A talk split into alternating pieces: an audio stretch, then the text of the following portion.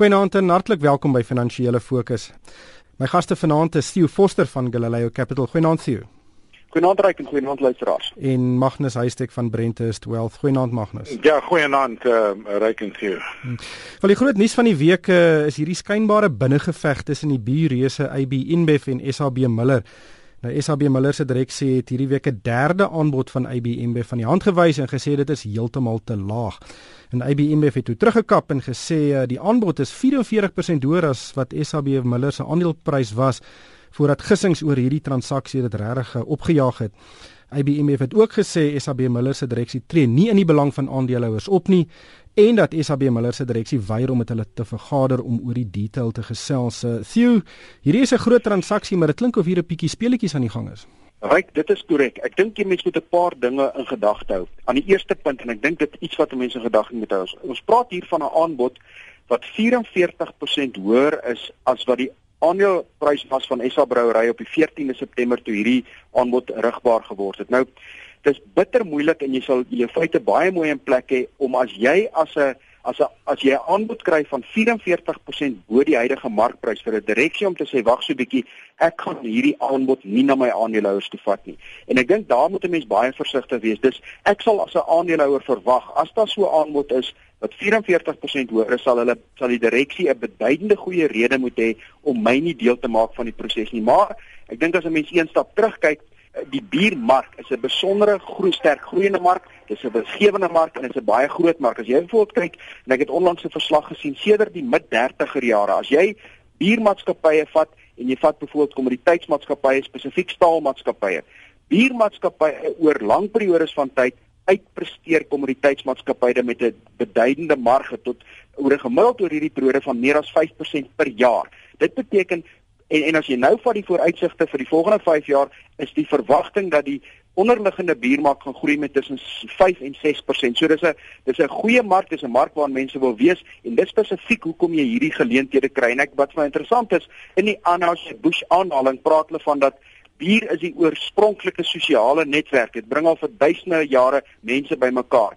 En ek dink dis hoekom jy hier 'n baie groot geveg kry. Dis 'n winsgewende besigheid, dis 'n baie groot besigheid en Anheuser-Busch het eintlik nie 'n ander keuse as hulle wil groei nie. Hulle is reeds rondom 21% van die wêreld biermark en vir hulle om werklik verder te groei, sal hulle die tweede of derde grootste speler uit hierdie mark moet kry. Maar ek dink waar hierdie beslommernis inkom, as 'n maatskappy 44% bo die aandelepryse aanbod maak, sal jou redes baie baie goed moet wees om hierdie aanbod nie na aandeelhouers te vat nie. Hmm. Magnus ek dink die direksie het ook 'n wesenlike belang want as jy uh, as jy kyk na hulle aandeelopsies wat outomaties dan uitbetaal word as daar 'n oorname is, ek dink ek het 'n syfer gelees van 1.9 miljard dollar se aandeelopsies word uitbetaal aan die direksie. So hulle speel miskien 'n speletjie, 'n skaakspel om die beste prys eerstens vir hulle self te kry voordat hulle kyk na ander beleggers. So jy weet ek dink die, die feit dat die aandeleprys op die mark teen so 'n groot diskonto opereer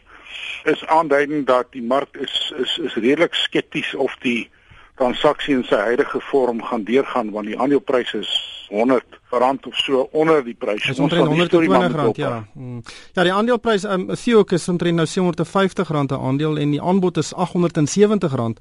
Uh so daar is nog geld op die tafel.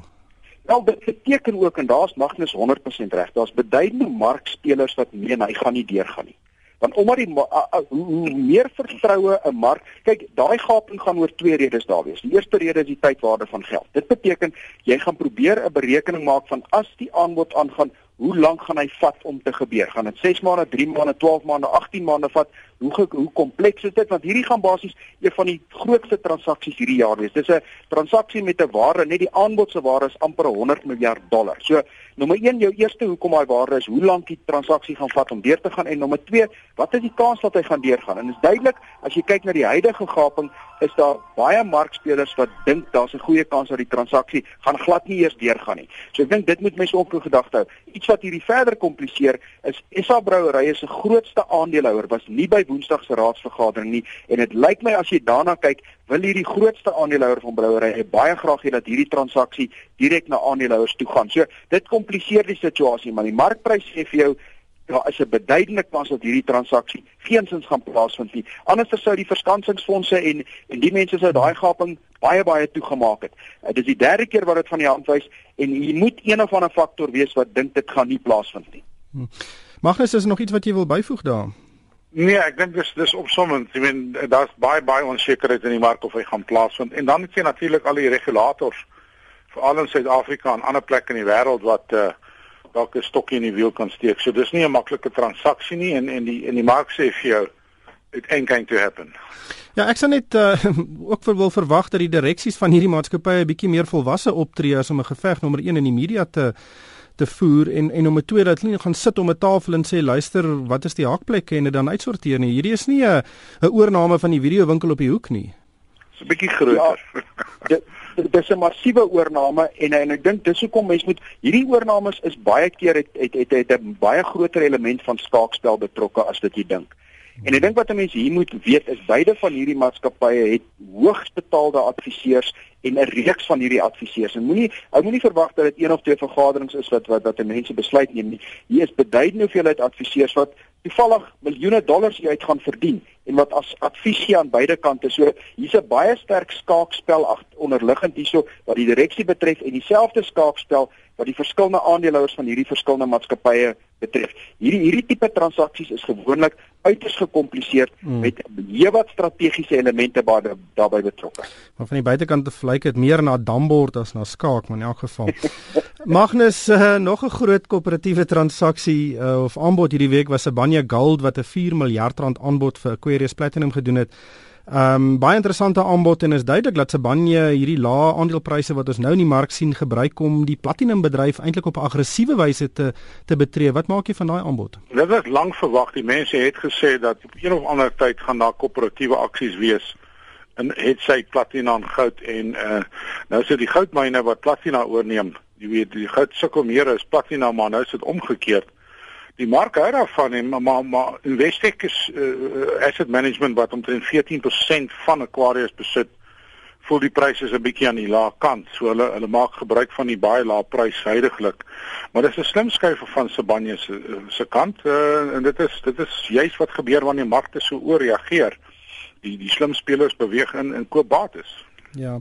Sien, ehm um, wie die pryse is regtig laag. Ehm um, die pryse weet selfs al is hierdie aanbod 'n tamelike goeie in vir Aquarius, het die pryse die afgelope paar uh, maande regtig baie baie sterk geval. Ehm um, dink jy daar kan dalk verdere konsolidasie in hierdie bedryf wees? Ja, verseker, ek dink ons gaan konsolidasie sien. Ek dink net Nieuw Vroneman het het het 'n geskiedenis dat hy die hy, hy baie goed reg gekry met sy Banye Gold wanneer in myne wat nie baie goed presteer het nie, maar deel van daai dat daai suksesresept was dat hy hy hy kon vlakke van bestuur uithaal. Hy kon sekere elemente wegvat wat koste toegedeel is. Hy die hoofkantoor fisies geskuif na die myne toe. Ek dink nie dit gaan so maklik wees in 'n platinum besigheid nie en ek dink deel van sy aanbod sal moet steun op die feit dat hy dink ons is redelik naby aan die onderste draaipunt. Dit wil sê dat hy dat hy 'n element van mark wind van agter gaan kry om hierdie te laat werk. Maar die feit dat hier verdere transaksies gaan kom, ek dink verseker so, ek dink dit dit is deel van 'n mark wat onder druk is. Ek dink ewe skielik begin aandeelhouers ongemaklik raak met van die maatskappye.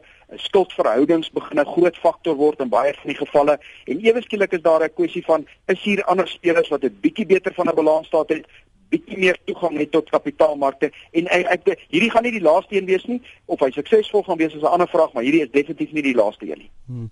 Ja, Magnus draaipunt is dalk 'n uh, interessante debat op sy eie, maar ons het gesien dat die platinumprys um hierdie week ook van omtrent 900 dollar uh, opgeskiet het na omtrent 950 dollar toe nou. Dit is heelwat hoër, maar dis nog steeds baie ver onder die 1000 uh, die vlak van 1200 dollar wat dit aan die begin van die jaar was. Hoe hoe lees jy die die die prysiklus wat ons nou sien? Dis nie ongewoon vir 'n vir 'n prys van enige instrument of in hierdie geval 'n kommoditeit om om om nadat hy so kwaai geval het om 'n korttermyn uh, herstel te hê nie en en en dit, dit lyk vir my dis wat nou gebeur. Uh en hy kan nog 'n bietjie hoër gaan, maar die oorweldigende mening is nog steeds dat kommoditeite nog verder kan val. Daar is nou wel olie het bietjie gestyg, goud het gestyg en platina het gestyg, maar platina Vrydag weer op met 25 dollar. Maar as dit die onderste is dit die onderste draaipunt, is dit die die die begin van 'n nuwe stygfase. Ek sou baie baie skepties wees oor sulke aansprake Mens net kyk wat in China aan die gang is en dit lyk nog steeds nie of daar tekens is van 'n sterk ekonomiese oplewing nie, maar net die tyd sal leer. Want die meeste platinummyne maak nie geld teen 'n teen 'n platinumprys van 950 dollar nie. Wel, Glencore het uh, Eland Platinum gesluit byvoorbeeld. Uh baie van hy myne op 'n kontantbasis uh, maak nie meer wins nie. So dit is 'n kritieke tye vir die bedryf en uh of dit nou gaan herstel, die die, die platinumprys veral met die Volkswagen skandaal wat nog 'n negatiewe faktor is in die hele kookpot van van faktore, jy weet dit ek is nog steeds negatief oor daai sektor. Hmm. Sien, ehm um, daar het baie swak ekonomiese statistieke hierdie week bekend gemaak. Vervaardigingssyfers is laer, mynbouproduksie is laer, ehm um, die platinumproduksie het gestyg, maar dit is dit volg omdat dit verlede jaar so swak was weens die staking. Ehm um, en dan het die Kamer van Koophandel en Nywerheid se sakevertroue indeks sy laagste vlak sedert 1993 bereik. Dit wys dat daar die die markstemming en die en die, die vooruitsigte van die plaaslike ekonomie lyk nog maar vrot vrot dink ek is 'n baie beter woord as laar of of of stadiger. Ek dink dit dit lyk vrot. Ek dink dis 'n beduidende gebrek aan vertroue. Dis al meer rooi ligte wat vir wys dat ekonomiese aktiwiteit is nie waar dit moet wees nie.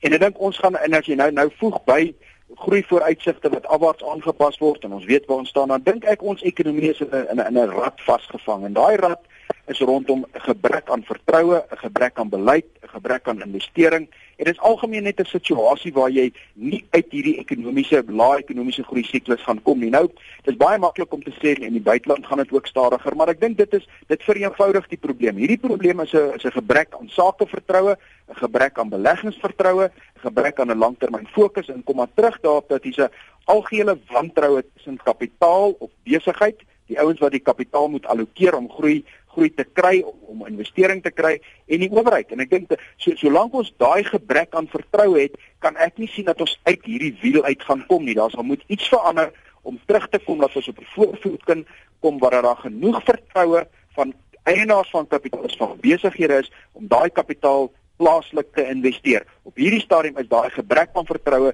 sit 'n remming op hierdie hele stelsel hmm. Magnus, jy weet wat wat Theo nou hier gesê het, wys op 'n baie negatiewe stemming in die ekonomie, veral die plaaslike ekonomie in Suid-Afrika.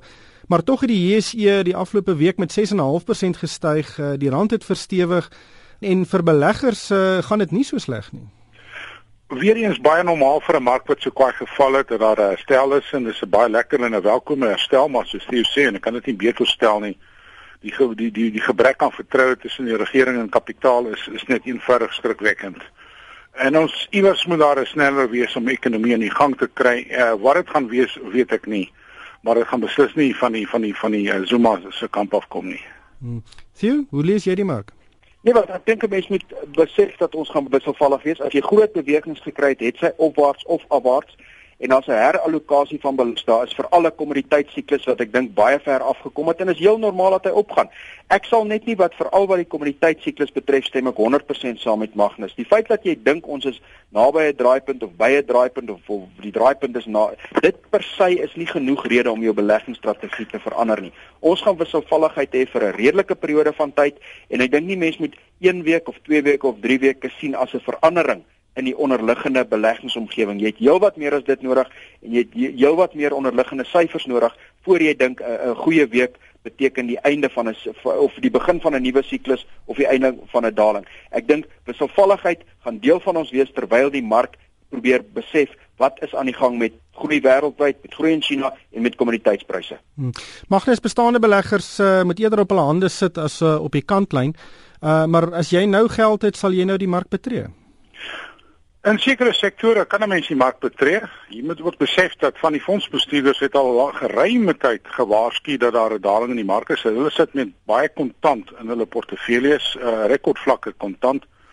En jy as 'n klein belegger gaan nooit jou tydsberekening regkry nie. Die groot fondsbestuurders het 'n beter kans om dit te doen. Jy moet besluit jou jy maak 'n langtermynbelegging. Tydsberekening is vir gekke, jy gaan dit nooit regkry nie. Belê volgens jou risikoprofiel en en en dan gaan aan met jou lewe sê ek altyd om te om te hoop dat jy gaan die onderste draaipunt vat vind op die dag en die datum wanneer dit plaasvind is is net 'n uh, is net 'n droom. So so gaan maar voort met jou beleggings. Hmm, hoop is nie 'n beleggingsstrategie nie. In geval ongelukkig is dit al waarvoor ons tyd het vanaand. Baie dankie aan Theo Forster van Galileo Capital en Magnus Huystek van Brentus 12. En van my ryk van die kerk, dankie vir die saamluister. Hoop werklik almal het 'n winsgewende week.